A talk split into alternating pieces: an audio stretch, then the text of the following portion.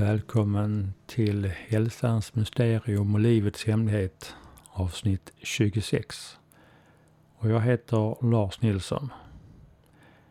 I detta avsnittet ska jag prata om andlighet och religion. Jag känner det som att andlighet och religion är något många väljer att inte prata om. Det har blivit en privat sak medan det går mer och bättre att prata om politik. Vilket jag tycker är lite märkligt.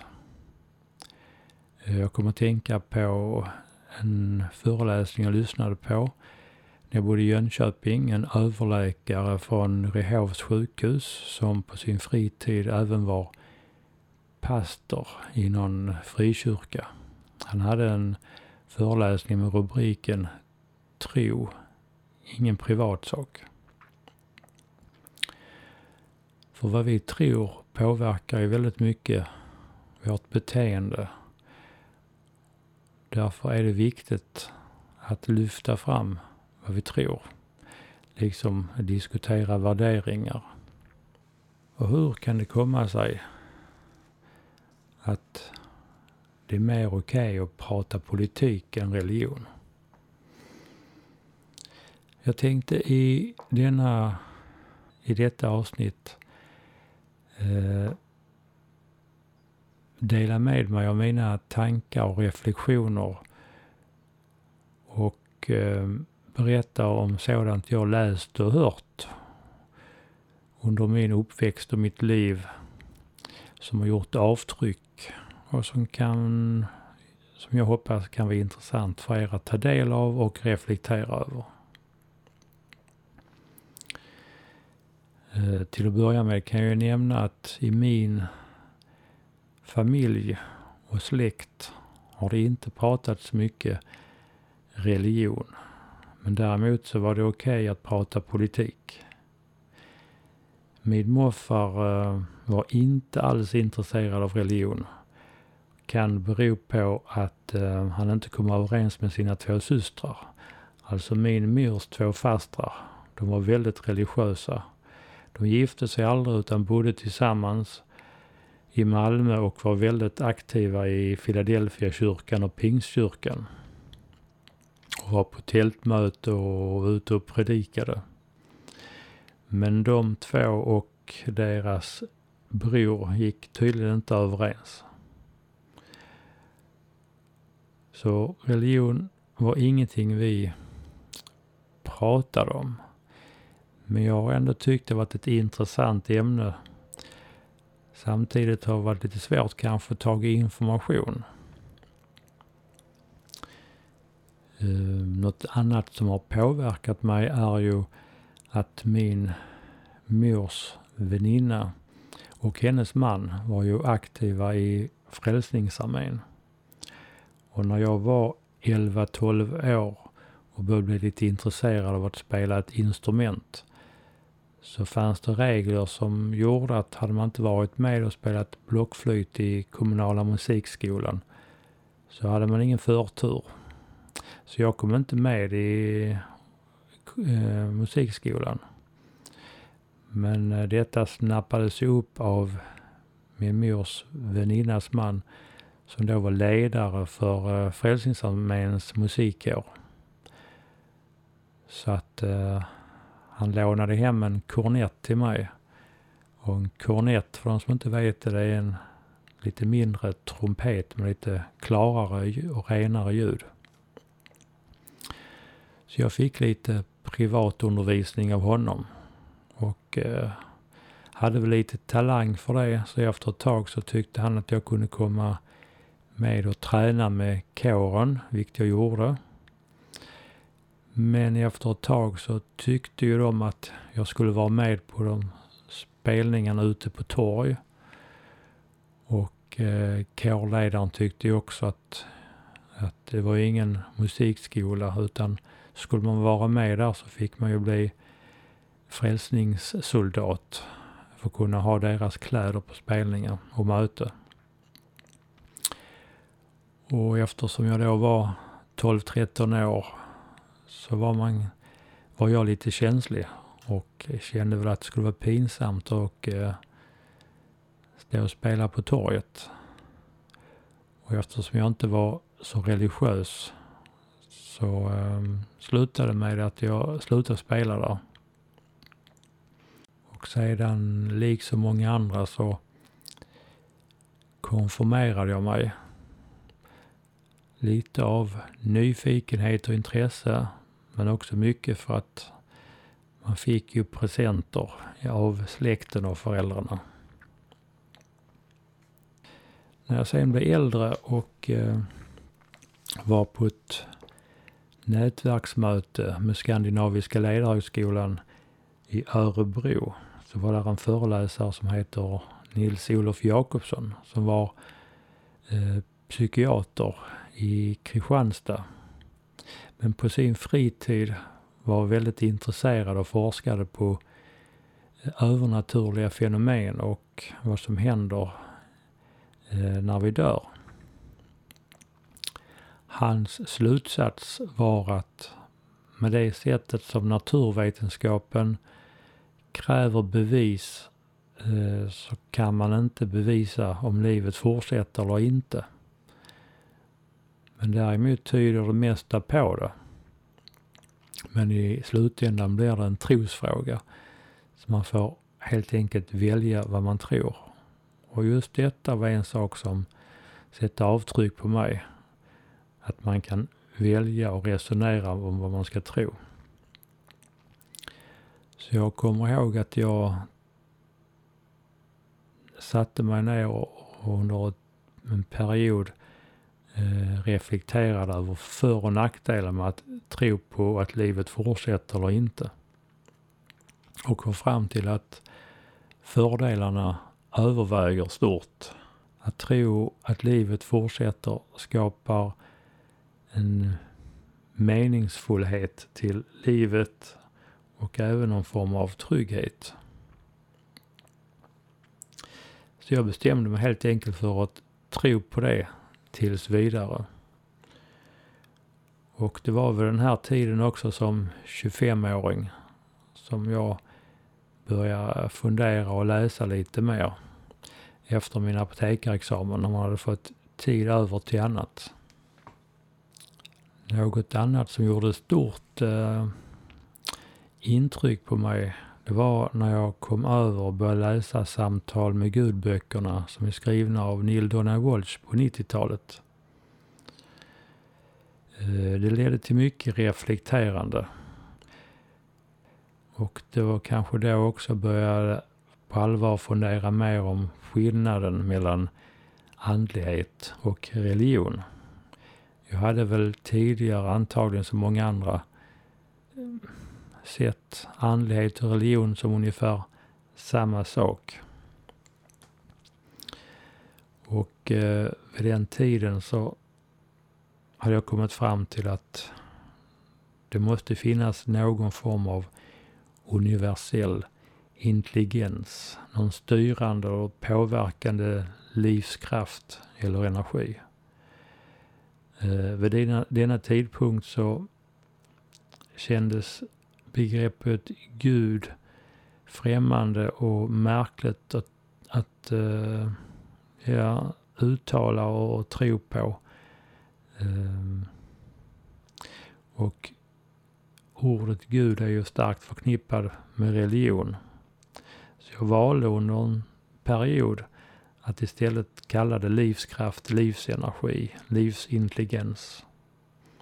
Men ju mer jag började jobba och läsa om det här så inser jag efter ett tag att för mig var detta samma sak.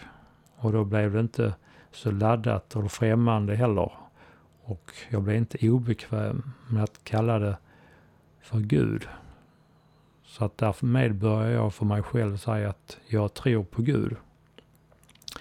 Men samtidigt insåg jag också att det är ett laddat ord och ordet Gud betyder ju väldigt mycket för, och står för väldigt olika saker för olika människor. Och därför blir det intressant att börja titta närmare på just begreppet gudsbilden eh, och hur man ser på, på det ordet. En annan intressant sak är ju när jag har hört olika kristna förespråkare säga att deras gud, det är inte samma gud antagligen som till exempel de som tror på en annan religion. Och det känns för mig lite märkligt. Har vi olika gudar? Finns det inte endast en gud? Kan det inte vara så att det är samma gud men att vi människor har under lång tid i olika kulturer format olika religioner eh, och med olika föreställningar. För mig har detta varit ganska självklart länge att det borde röra sig om samma Gud. Eh, men så verkar det inte vara för många. Och detta fick mig också, det här förenade gemensamma tankarna, att börja titta lite grann på vad finns det för en kärna som är som förenar de olika religionerna. Förutom att man tror på någon gud. Varje religion eller filosofi har ju personer som har fördjupat sig i, sin tro. Eh, till exempel inom eh, kristendomen så pratar man ju om mästare och eh, det finns lamer inom buddhismen. Och eh, man har talat om olika gurus i Indien. Och inom islam finns det sufiker. Och jag fick eh, uppfattningen att de här eh, mystikerna och mästarna och gurusarna, de eh, pekade i samma riktning i någon slags kärna. Och eh, det var detta som har lett fram till min åsikt och ståndpunkt det här att man får skilja på andlighet och religion. Där andligheten för mig har blivit själva en slags kärna avskalad religion. Och att en religion, det kan man säga är en form av andlighet som är där man har klätt på det med religionens ledare som har satt upp olika regelverk. Och ett eh, exempel här är ju från den första Samtal med Gud-boken där författaren själv beskriver sin barndom. När han var ungdom i USA, när han växte upp, så eh, kunde de lite då och då gå och ta en hamburgare efter skolan.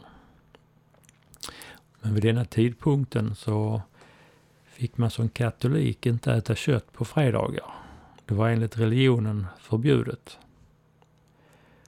Och vid ett tillfälle så gick de och tog en hamburgare efter skolan och det var en fredag.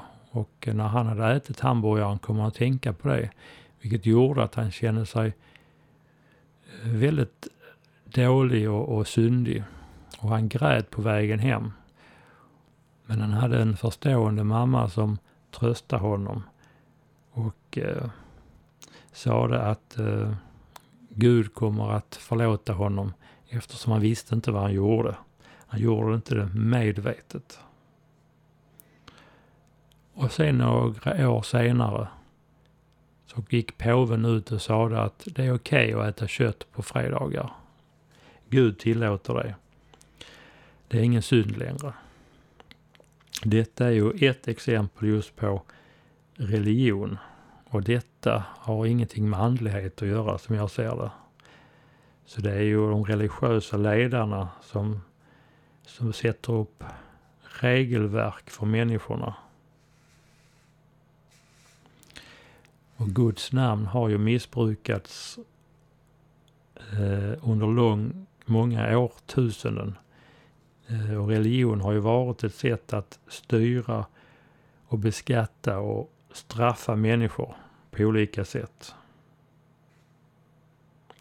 Och detta kan man säga är ju religionens baksida. Och det är väl detta som har gjort också att många har missat andligheten och eh, gjort motstånd just mot den här biten av inom religionen.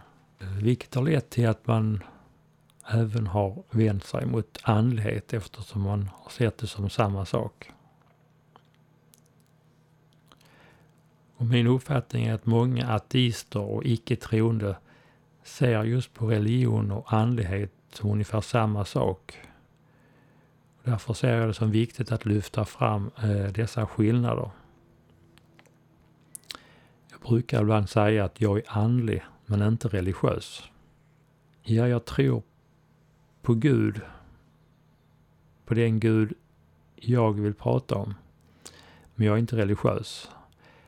Vilket betyder att jag tillhör inte någon eh, organiserad religion. Så för mig har det blivit viktigt att skilja på andlighet och religion. Och andlighet, lite kort så här, handlar för mig om att vakna upp. Att eh, vara intresserad av att upptäcka vem man egentligen är. Mysteriet människa. Medan jag också förstått att för många eh, inom religionen och de som är utanför religionen, det vill säga ateister, att andlighet för dem är oftast förknippat med det här med tarotkort, kristaller och så vidare. Men det är inte det jag pratar om. Det kommer därför också bli intressant och viktigt att tala om själva gudsbegreppet. Eh, för varje religion har ju sitt gudsbegrepp och därför viktigt att, att reflektera över skillnader och hur man ser på det.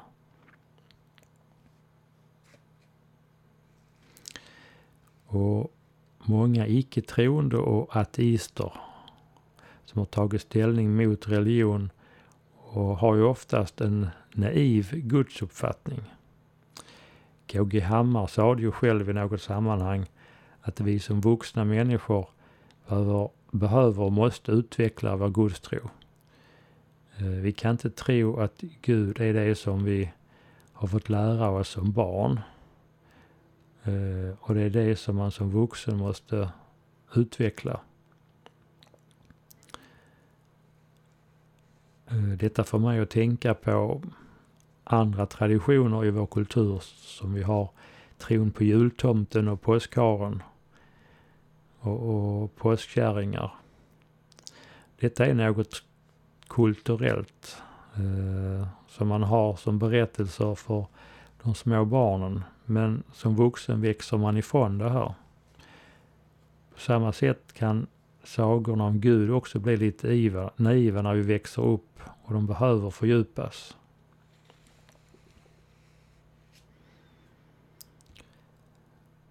Eh, en annan sak som har påverkat mig, mitt tänk, var att på 90-talet kom det också ut några filmer som hette What the Bleep. Och eh, där fanns det några intressanta personer som kvantfysikern Fred Allen Wolf och även eh, Joe Dispenza eh, med flera. Som var ett eh, sällskap som åkte runt och höll föreläsningar om ett nytt sätt att se på människan och världen. Och i detta och i den här svängen så var det även med en religionshistoriker och eh, jag kommer ihåg att jag skickade efter några av de här kassettbanden och det var bland annat en timmes föreläsning med den här religionshistorikern som jag tyvärr inte kommer ihåg namnet på. Men han berättar ju en del intressanta saker som jag inte visste om jag skulle tro på eller inte. Men som sagt, det är alltid intressant med nya influenser, nya tankar, nya reflektioner. Men vad han sa har också funnits med i min ryggsäck någonstans. Och eh, han, eh, hade, han ville liksom, han raljerade lite grann med religionen. Men vad han ville var ju att vi skulle förändra vår uppfattning om religionen. Inte att vi skulle bli ateister utan nyansera och, och utveckla bilden. Och eh, några av de punkter jag kommer ihåg som han tog upp var att han påminner om just detta att vad gjorde egentligen Jesus? För att han nämns ju att han någon gång vid 10-12 års åldern eh, sa några kloka saker eh, vid något tal i byn. Men sen är det helt tyst om honom. Sen helt plötsligt så kommer han fram som eh, vuxen man och predikar. Jag menar, vad gjorde han de där åren? Ja, han var ju snickare. Och visst, han hamrade och sågade och byggde hus och reflekterade. Och sen slutade han med det och så var han färdig. Ja, knappast, sa han. Det som är intressant var att vid den här tiden så fanns det ju många människor som var sökare. Det fanns olika trosinriktningar. Det var en liten kittel. Och eh, vid hans trakter även uppemot Egypten och längs Nilen så fanns det många olika skolor där eleverna eh, undervisades i, i det som kallas, kanske mer kan kallas andlighet. Eftersom det var väl inga religioner. Och där var ju så olika tester och prövningar de utsattes för. Och tydligen så har det funnits en skola där. Där sluttestet var att man skulle återuppliva sig själv från döden. Och han menade på att mycket tyder på att Jesus eh, var på den skolan. Och att det hela var planerat, hans återuppstående, återuppståndelse. Och som jag nämnde eh, tidigare här i detta avsnittet så valde jag ju att tro på att livet fortsätter på något sätt. Och eh, har inte heller varit främmande för möjligheten till återfödelse och inte bara att livet fortsätter. Men inom kristendomen så lär man ju ut idag att livet fortsätter men inte att man kan bli återfödd. Eh, och religionshistorikern sade att vid den här tidpunkten så har de flesta av olika de här skolorna och eh, inriktningarna, där var det vanligare att man trodde på eh, reinkarnation så kallat. Så därför var det mest eh, rimligt att tro att Jesus också trodde på detta. Och enligt honom fanns eh, eh, reinkarnationstänkandet, återfödelsetänkandet i den ursprungliga versionen av kristendomen. Men att vid några av de här rådsmötena som hölls flera gånger vid några olika årtionden efter korsfästelsen, där ledarna satte sig ner och gick igenom och utformade vad som skulle komma att bli kristendomen.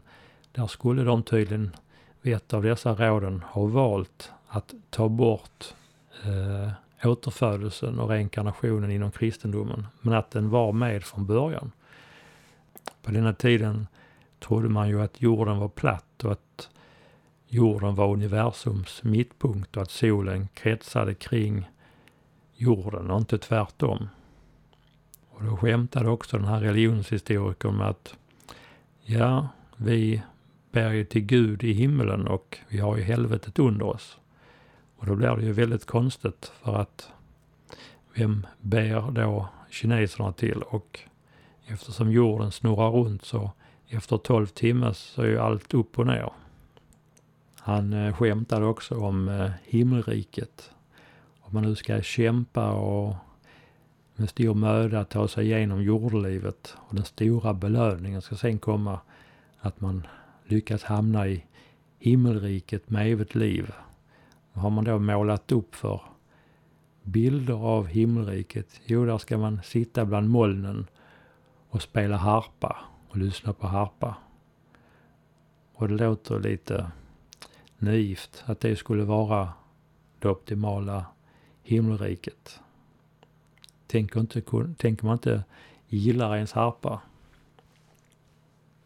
Ja, när jag kom igång med de här funderingarna så hade ju inte internet riktigt kommit igång. Så det var inte så lätt som idag att söka information. Den gudsbild som för mig växte fram, det var mer som sagt, som jag sagt tidigare, att det var en, en intelligens, en livsgivande kraft. Och att Gud var ingen naiv eller människoliknande gestalt eh, med mänskliga egenskaper som eh, avundsjuka och något som utdelar straff. Jag kom också genom mitt eget reflekterande fram till att jag inte kunde tro på att det finns något som kan kallas djävul eller helvete heller utan eh, däremot att man kan uppleva frånvaro av Gud, frånvaro av ljus eller kärlek istället. Och i de här samtalen med Gud, böckerna, var det också i början en intressant diskussion om att om det nu är så att Gud är allt, allt, då måste ju Gud även vara eh, helvetet så att säga. Annars är ju inte Gud allt och det blir ju också väldigt konstigt om man tänker så.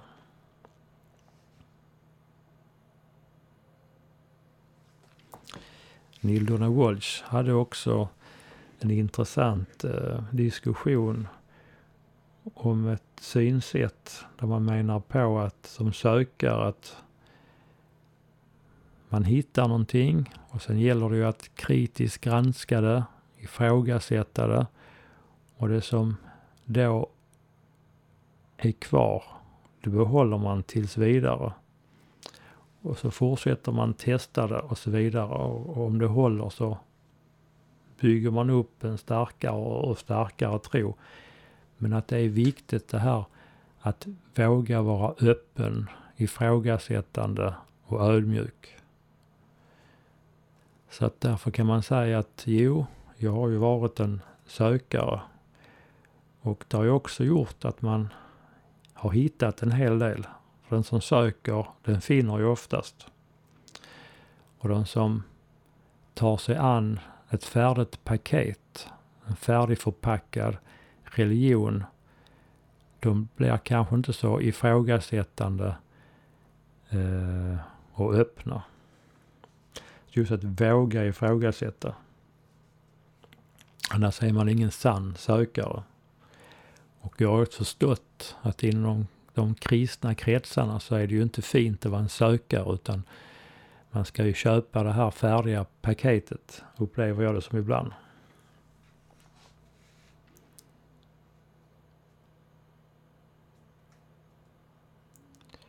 Och det som var lite intressant för mig att upptäcka, det var att när jag kom hem från jobbet och kunde vara trött och kanske var lätt att hamna framför dumburken om man inte orkade träna. Det var att kunde jag sitta ner och reflektera lite över just de här frågorna fick jag tvärtom istället energi. Och det tyckte jag var en intressant iakttagelse.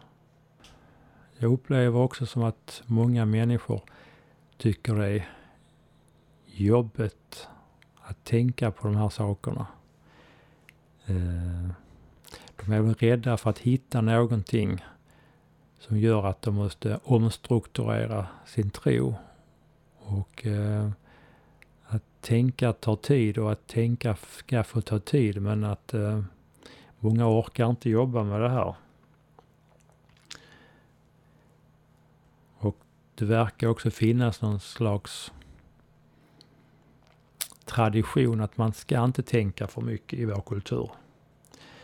Eh, det finns många som säger att tänk inte på sånt. Usch, det är jobbigt att tänka på sånt. Du kan bli tokig. Men tvärtom har det som sagt istället givit mig väldigt mycket. Både energi och tillfredsställelse. Så jag tror att vi alla egentligen är sökare och att det är meningen att varje individ ska hitta sig själv och söka sig inåt. Men att vår kultur och samhälle inte har uppmärksammat detta. Eh, och antagligen finns det krafter som har motarbetat detta kanske också. För religionen har ju varit ett styrmedel i människors liv som sedan har ersatts av kanske politiken. Men politik och religion har ju varit styrmedel. Eh, man kan ju tycka att ledarna vill folkets väl. Men de vill samtidigt behålla makten och styrningen. Så oavsett om ledarna är politiker eller präster så är de beroende av att vi ska betala skatt och vara lydiga. En person som är självständig och fritänkande kan man inte så lätt kontrollera och manipulera av ledarna. Eh, det här låter ju tyvärr kanske lite konspiratoriskt. Men alla håller nog med om att de som har makt och pengar gärna vill behålla det.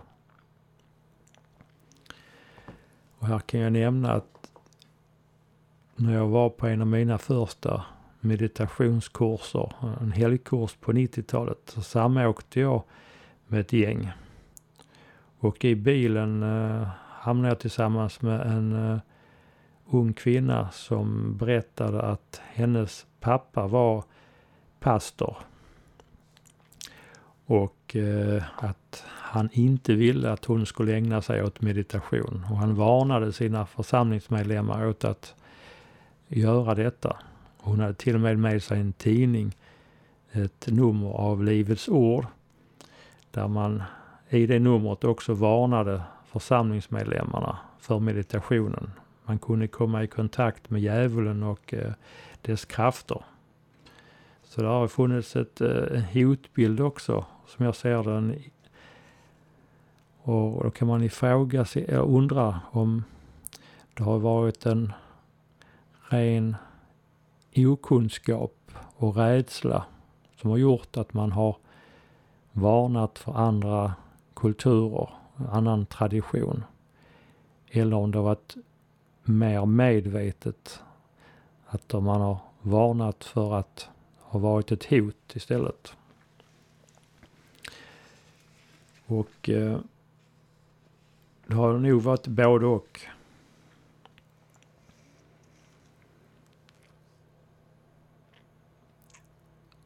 Och jag har ju själv märkt, om inte, inte minst när jag bodde i Jönköping, men hur det fortfarande finns mycket okunskap om vad meditation egentligen är och syftar till.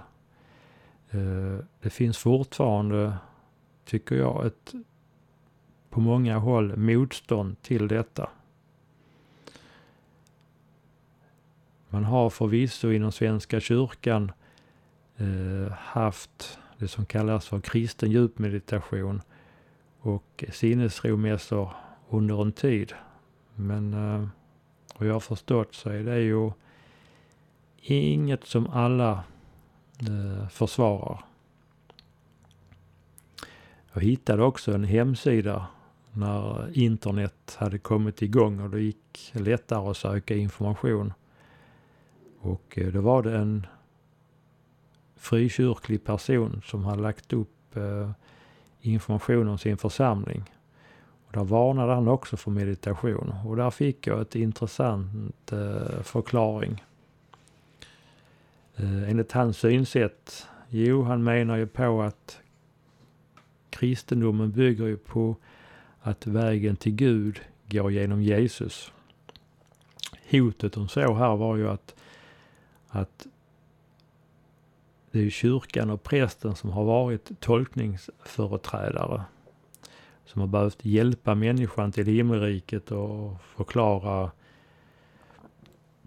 religionen.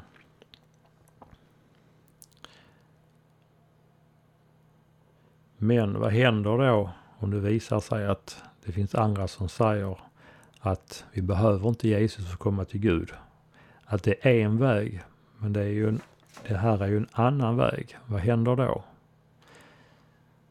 Så att eh, det har blivit att jag i perioder reflekterat lite grann och sen har man liksom fått sjunka in och sen har det kommit något nytt. Man har läst och kommit över vilket gjort att man reflekterat lite grann och så har det gått lite i omgångar. Så har man läst andra typer av böcker och sen har man kommit tillbaka till en, en bok inom detta området igen och så har man reflekterat lite grann. Men eh, det ena har ju lett till det andra och eh, det jag på senare tid har ägnat mig åt, det är det som då kan kallas för den direkta vägen. Den direkta vägen till Gud. Och det här låter kanske konstigt i mångas öron, men kanske förhoppningsvis också lite intressant. Så jag tänkte framöver prata lite mer om Gud och gudsbilden, andlighet och Eh, den direkta vägen. Tills vi hörs nästa gång. Ha det bra.